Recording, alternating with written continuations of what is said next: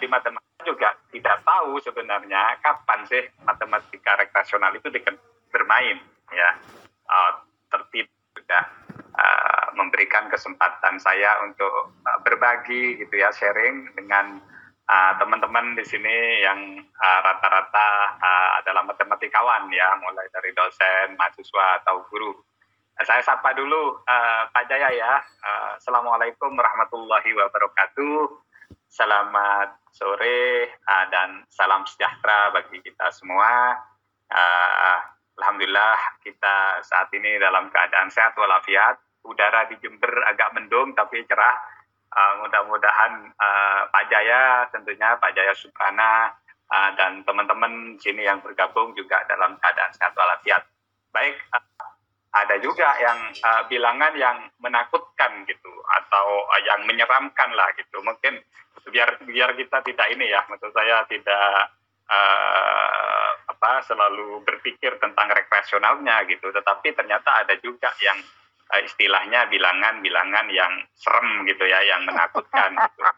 jadi ini misalnya ada namanya ya bis number gitu atau apa ya dia nyebutnya bilangan jahanam gitu yang uh, kita tahu itu number triple six ya atau 666 gitu di mana 66 itu uh, sebenarnya uh, merupakan jumlah kuadrat dari tujuh bilangan prima pertama. Ini menarik kan misalnya dua pangkat dua tiga pangkat dua ditambah lima pangkat dua ditambah tujuh pangkat dua plus uh, apa sebelas pangkat dua sampai ke 17 pangkat 2 dan kalau dijumlahkan itu sama dengan 666 atau triple six ya. Nah, ternyata tidak cukup itu gitu. Saya juga kaget. Itu kalau tadi bis number atau bilangan jahanam gitu ya, ada lagi yang evil number atau bilangan jahat gitu, yang juga 666. Saya nggak tahu kenapa. Mungkin uh, Pak Jaya ini yang lebih paham gitu ya. Yang tidak lain adalah uh, penjumlahan dari uh, bilangan atau angka di belakang koma pada pi ya yang 3,1415 dan seterusnya sampai sebanyak uh, 144 suku gitu yang kalau dijumlahkan akhirnya jadi 6 6, 6, 6 itu itu yang agak balikan dari yang uh, bilangan yang yang apa ya yang uh, sebenarnya juga menurut saya juga menghibur meskipun namanya serem gitu ya karena ada ada ya. ada apa ya istilah di situ ada ya kan uh, kan film-film menarik gitu ya tapi ya Prof memang benar ya. itu anu film-film horor itu kan menyeramkan tapi kan menghibur itu kan betul ya, ah. ya jadi ya ya gitu jadi dan itu terus berkembang uh, uh, Pak Jaya termasuk juga di Indonesia gitu kita kan juga tidak ingin kan waktu saya sekolah aja kan matematik ini kan merupakan mata pelajaran yang dipandang sangat menyeramkan, menakutkan kan begitu kan? Ya, tapi sekarang sudah nggak lagi gitu, karena pendekatannya sudah sudah lebih apa ya, lebih populer, lebih menarik. Saya juga membaca bukunya Pak Jaya itu yang uh, Cangkriman Punakawan itu Pak, Pak Jaya gitu ya. Itu kan juga sebenarnya orang-orang pada saat itu uh, ya kalau kita kenalnya di teori graf itu kan uh, Konigsberg Bridge atau jembatan Konigsberg ya. Uh, kalau saya baca punyanya uh, buku dari Pak Jaya itu kan bagus misalnya uh, Krishna pusing tujuh keliling gara-gara keliling tujuh jembatan gitu kan. Itu, itu kan uh, menarik juga gitu loh. Padahal kalau kita dekati dengan pendekatan misalnya teori graf atau sesuatu yang mungkin uh, trial error itu kan susahnya setengah mati. Mungkin orang pada saat itu uh, frustasi juga. Gimana sih kok saya berangkat dari A keliling tujuh jembatan tepat sekali tapi nggak balik lagi ke A seperti itu, gitu. Jadi itu yang membuat akhirnya persoalan-persoalan uh, matematik itu bisa diselesaikan secara uh, menarik gitu ya. Jadi seperti itu contoh-contoh. Yang saya pikir uh, Pak Jaya juga Eh, sudah expert lah kalau uh, memecahkan masalah matematik dengan pendekatan yang rekreasional kan gitu gitu ya ya itu uh, pengantarnya Pak ya, Jaya ya. tapi ya. tapi begini Pak anu uh, uh, uh, tadi kan uh, anda men, uh, menyatakan bahwa uh, kita bisa menyelesaikan masalah ini secara regresion regres Hmm. alah udahlah ini lidah saya mau ngomong itu kan susah sekali secara menghibur Ya. begitu ya tapi Iya, iya. begini khusus mengenai konspirasi itu apakah sudah ada solusinya Nah, yang Königsberg itu kan sebenarnya uh, sudah diselesaikan oleh Euler, oleh Leonhard Euler itu Iya, kan mana awal ya. tapi Jadi, apa penyelesaiannya apa Tidak ada. nah ya itu Nah, dia. itu, jadi itu, itu yang membuat uh, kita akhirnya bagaimana mencari solusi yang optimal, kan begitu? Karena tapi jadi mungkin. bagaimana mencari solusi yang nggak ada yang begitu. optimal ya. Bukan. Ah, gimana lah agar mungkin jembatan yang di, di apa dilalui itu se sebanyak banyaknya atau seoptimal mungkin lah gitu. Kan itu ketika itu tidak mungkin bisa dijawab ya Iya. cari yang mungkin tapi optimal gitu. Jadi anu Prof mengakui bahwa sebetulnya di alam semesta ini tidak semua Nah, iya, itu masalah bisa kita selesaikan. betul. Ya Ah ya sudah. Ya, Jadi ya sebetulnya kuantum ya. ya ah, Nah, pakai nah sekarang saya tertarik sekali kepada Prof. Mhm. pribadi, personal. Sebagai manusia. ya Kenapa kok Prof Edi Baskoro, Ibu Dokter Kiki dan teman-teman semua, waktu saya tanya siapa tokoh mate- matematika Indonesia yang bisa saya mohon menjadi narasumber matematika hiburan ini. Kok semua kok nunjuknya Anda? Itu bagaimana itu? Wah, Itu ya mungkin ya saya nggak tahu juga mungkin Pak Edi sama Bu Kiki menganggap saya itu eh, ya bisa menghibur juga mungkin ya. Ya, yang pasti begini Pak Jaya, yang pasti eh, ya saya bisa serius gitu ya, tetapi saya mencoba eh, ya bisa dicek mungkin di sini juga banyak kolega saya yang dari Universitas Jember.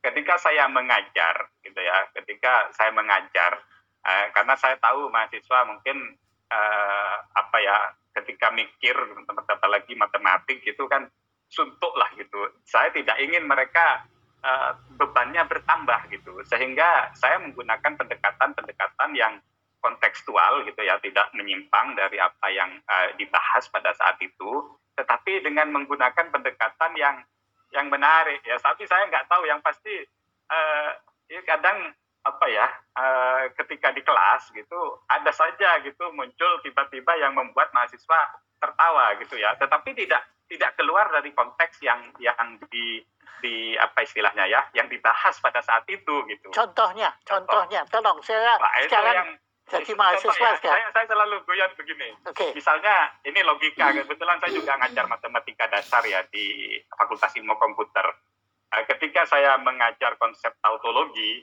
di dalam logika itu tautologi itu kan eh, apa ya Hmm, proposisi yang selalu benar gitu apa pun eh, proposisi pembentuknya kan begitu gitu ya Selalu Ah, benar. Ah, pokoknya apa pun proposisi ketika eh, misalnya proposisi yang berlawanan menggunakan eh, apa kunjung kun- apa istilahnya disjungsi ya dengan atau misalnya. Nah, itu kan selalu benar gitu ya. Saya mau kasih contoh itu. Misalnya untuk me- me- apa ya menanamkan konsep tautologi itu kepada mahasiswa, saya, saya membawa contoh misalnya yang kekinian gitu. Saya contoh tahu nggak eh, apa contoh lain eh, apa dari eh, tautologi ini gitu. Ternyata mahasiswa kadang menjawab juga gitu. Yang yang apa saja yang penting pokoknya apa pun yang terjadi selalu benar. Nah, ternyata mahasiswa menjawab misalnya cewek prof. Misalnya begitu karena cewek selalu benar. Itu contoh kan tautologi begitu gitu. Kalau saya sih eh, konteksnya Jadi- ini apa profesor misalnya. Kenapa profesor karena profesor selalu benar? Enggak ini ini mungkin apa ya tidak tidak apa ya eh, Eh?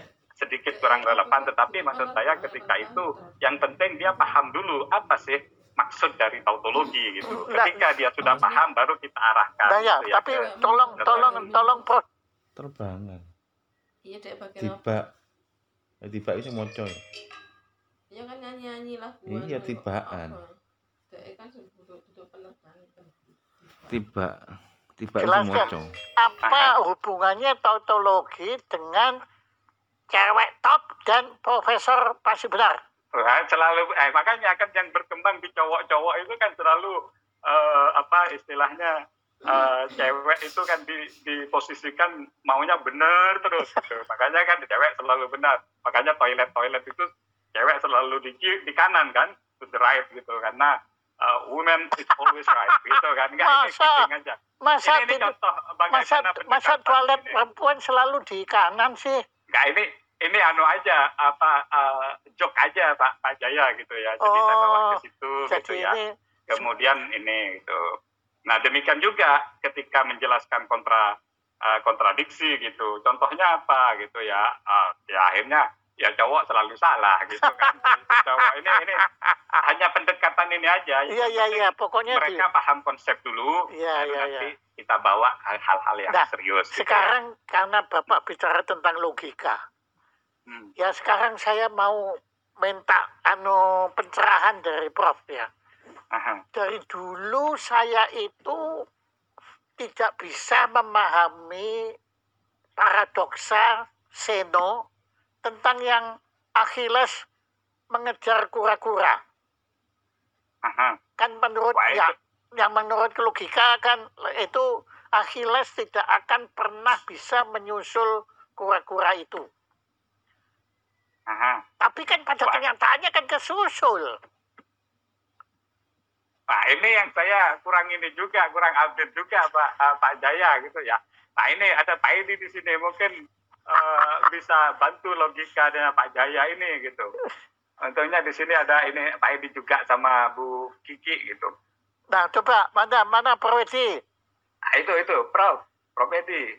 Nah ini susah juga kalau sudah dibawa ke kura-kura sama Achilles ini. Perwedi, Iya Pak. Apa tadi Pak? begini. Prof. Saya ini kan dari tadi diajarin tautologi sama Prof Tautologi, ini, ya. amin. Ya. Lah terus Ya. katanya cewek pasti benar, anu karena Ya. karena WC-nya letaknya di sebelah kanan, gitu kan ya anunya. Benar. Pokoknya profesor pasti benar. Ya memang kalau profesi ya pasti benar, begitu lah. Sekarang begini, sekarang begini. Sekarang karena beliau kan bilang mengajar logika tentang pada apa. Nah, dari dulu saya itu tidak mudeng, Maaf, tidak maaf. mu- Oke. Oke. Saya, saya saya di dua tempat ini. Di dua screen. Mohon maaf. Ketahuan, ya. ketahuan profesi selingkuh gitu.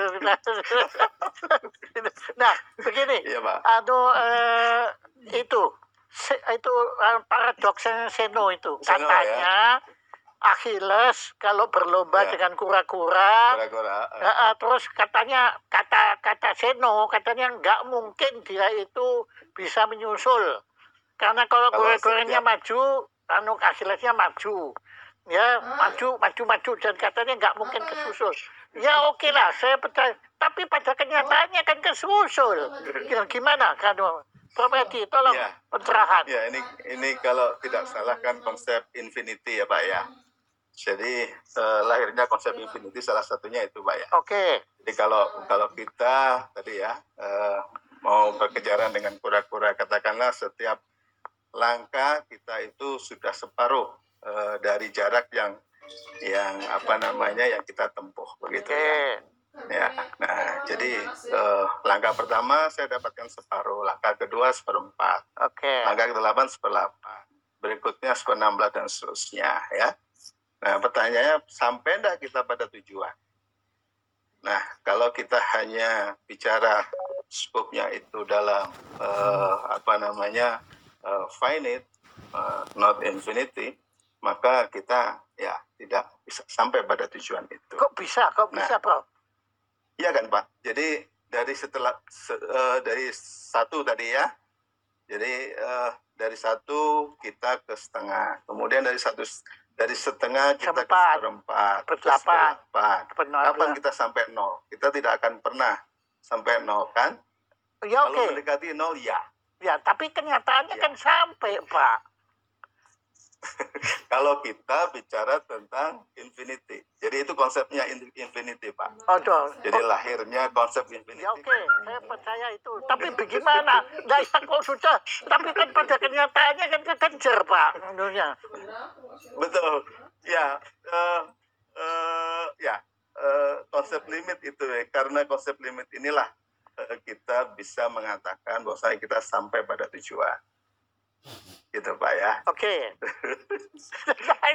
lah ya jadi, ya jadi sebetulnya apa gitu loh kok susah-susah bener anu bikin bikin paradoksa itu wong pada kenyataannya sampai kok katanya nggak sampai loh Ada satu lagi paradoks sebenarnya yang juga cukup terkenal berkaitan dengan dengan logika itu. Jadi katakanlah di satu daerah kita punya eh, kita hanya punya satu tukang cukur. Iya, iya, iya, iya, iya. Oke. Dan Dan siapa yang nyukur Tukang- dia? tukang cukur itu Oh. eh, hanya mencukur orang yang tidak mencukur dirinya sendiri. Lah siapa yang nyukur dianya sendiri? Pertanyaannya, tukang cukur ini pernah dicukur dah? Atau rambutnya bagaimana? Jadi apakah apa, sebenarnya Pak, apakah kalau gitu sebenarnya paradoks-paradoks ini lebih pantas masuk bukan ke matematika, tetapi ke ilmu bahasa, semantika. Ya, eh, sebenarnya melahirkan satu ideas yang yang baru ya, yang lebih extend ya. Jadi paradok-paradok itu ada beberapa hal yang yang mendrive kita untuk menghasilkan satu gagasan baru dalam matematik, Pak. Jadi jadi eh, ya seperti tadi tukang syukur itu eh, misalnya mendrive tentang eh, fungsi rekursif, ya, jadi fungsi yang terus nested. Nah, ini satu konsep baru yang berkaitan dengan eh, paradok eh, salah satu dari jiwa paradok tadi. Jiwa paradoks itu tadi. Seno, Seno tadi ya, itu melahirkan eh, gagasan tentang infinity Ya, misalnya. Jadi jadi eh, banyak eh, implikasinya, banyak eh, banyak sesuatu apa hal-hal yang terlahir dari ya. Banyak implikasi dan banyak komplikasinya juga kan. banyak komplikasi. Tapi begini Prof, menurut saya kita sebetulnya sudah menjawab ini apa eh, pertanyaan saya tadi itu sebetulnya secara makro itu sudah menjawab anu acara hari ini. Jadi sebetulnya permainan logika itu itu memang menghibur Pak. Sangat Pak. Ya sangat buktinya kan tadi kita waktu ngomong ini, ini, Pak kan Slamen ini kita- tokohnya ini. nah itu di- buktinya kita kan diteruskan dari Pak Slamen ini. Enggak. itu jadi ini makanya ketika kita saya tadi bilang ketika kita membahas sebuah konteks dan eh, kita menjadi terhibur atau tertawa terlepas dari itu susah atau eh, mudah Ya. itu yang yang yang kita sebut dengan Iya. eh, rekreasional itu Pak Pak iya Jaya iya gitu. iya iya dan Hmm. dan menurut saya sebetulnya kan saya mempelajari humor humorologi Ya, Nah, esensi humor itu adalah permainan, Bapak. Tadi memang Bapak kan dari awal menggunakan kata bermain, kan? Nah, Hmm. menurut saya humor itu eh, salah sat- eh, satu di antara sekian banyak definisi humor, yaitu bermain dengan logika. Ya. Buktinya kan tadi Bagus. waktu kita anu dengan Prof Edi bermain dengan logika untuk menjelaskan eh, Seno tadi paradoks ini dan tukang cukur tadi kan kita ketawa terus gitu loh. ya karena karena kita tahu bahwa sebetulnya ini yang kita lakukan ini mustahil logika. sebetulnya ya karena seperti begini anu saya kan Nemu dulu waktu waktu remaja Loh, saya merasa saya itu mampu melakukan rekreasi apa pun. matematika. sehingga saya tidak percaya pada takdir. gitu itu betul pak. Saya nggak percaya takdir ya. Tapi setelah saya babak belur, Pak, setelah jatuh bangun menempuh perjalanan ternyata apa pak? celaka pak. Ternyata saya itu tidak percaya takdir itu apa artinya? Artinya adalah takdir saya adalah tidak percaya takdir. Bahkan ciloko pak. Ya akhirnya ya saya percaya aja lah. Akhirnya saya kemakan sendiri oleh logika saya sendiri kan di situ. Ya. ya tahu jadi Ya. jadi bapak ini memang saya kira lebih layak anu menjadi profesor, Profesor. humorologi sebetulnya. Wah, Ya. nah ini. itu itu ilmu nanti Apa sih, Wi? Oh, gitu itu hiburan. Sak tak golek bahan ning masak ceritane kon. Ndak wes, ndak wes. Ndak, ndak, aku nggak mau, ndak, ndak, wes capek. Ngene lho wis kate waras kon niku. Wis turu wae. Ah, ndak iso wis mangan turu dulu.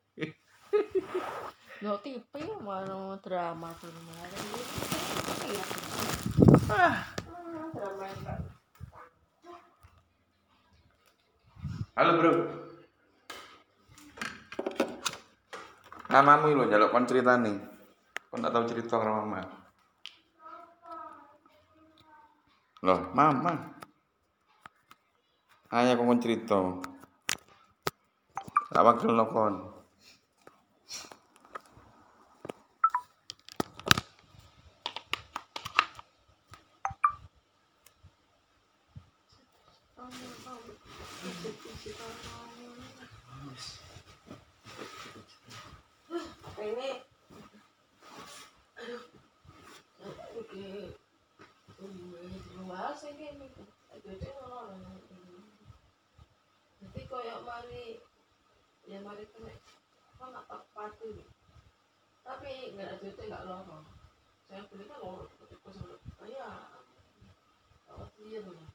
tak iki masalah iki sing masalahnya yang masalah lebih tinggi itu ini dengan ini nek dengan rasa ya?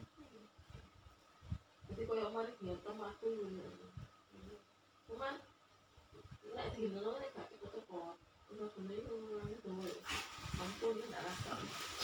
Kan itu kayak kita beda Oh, kenapa?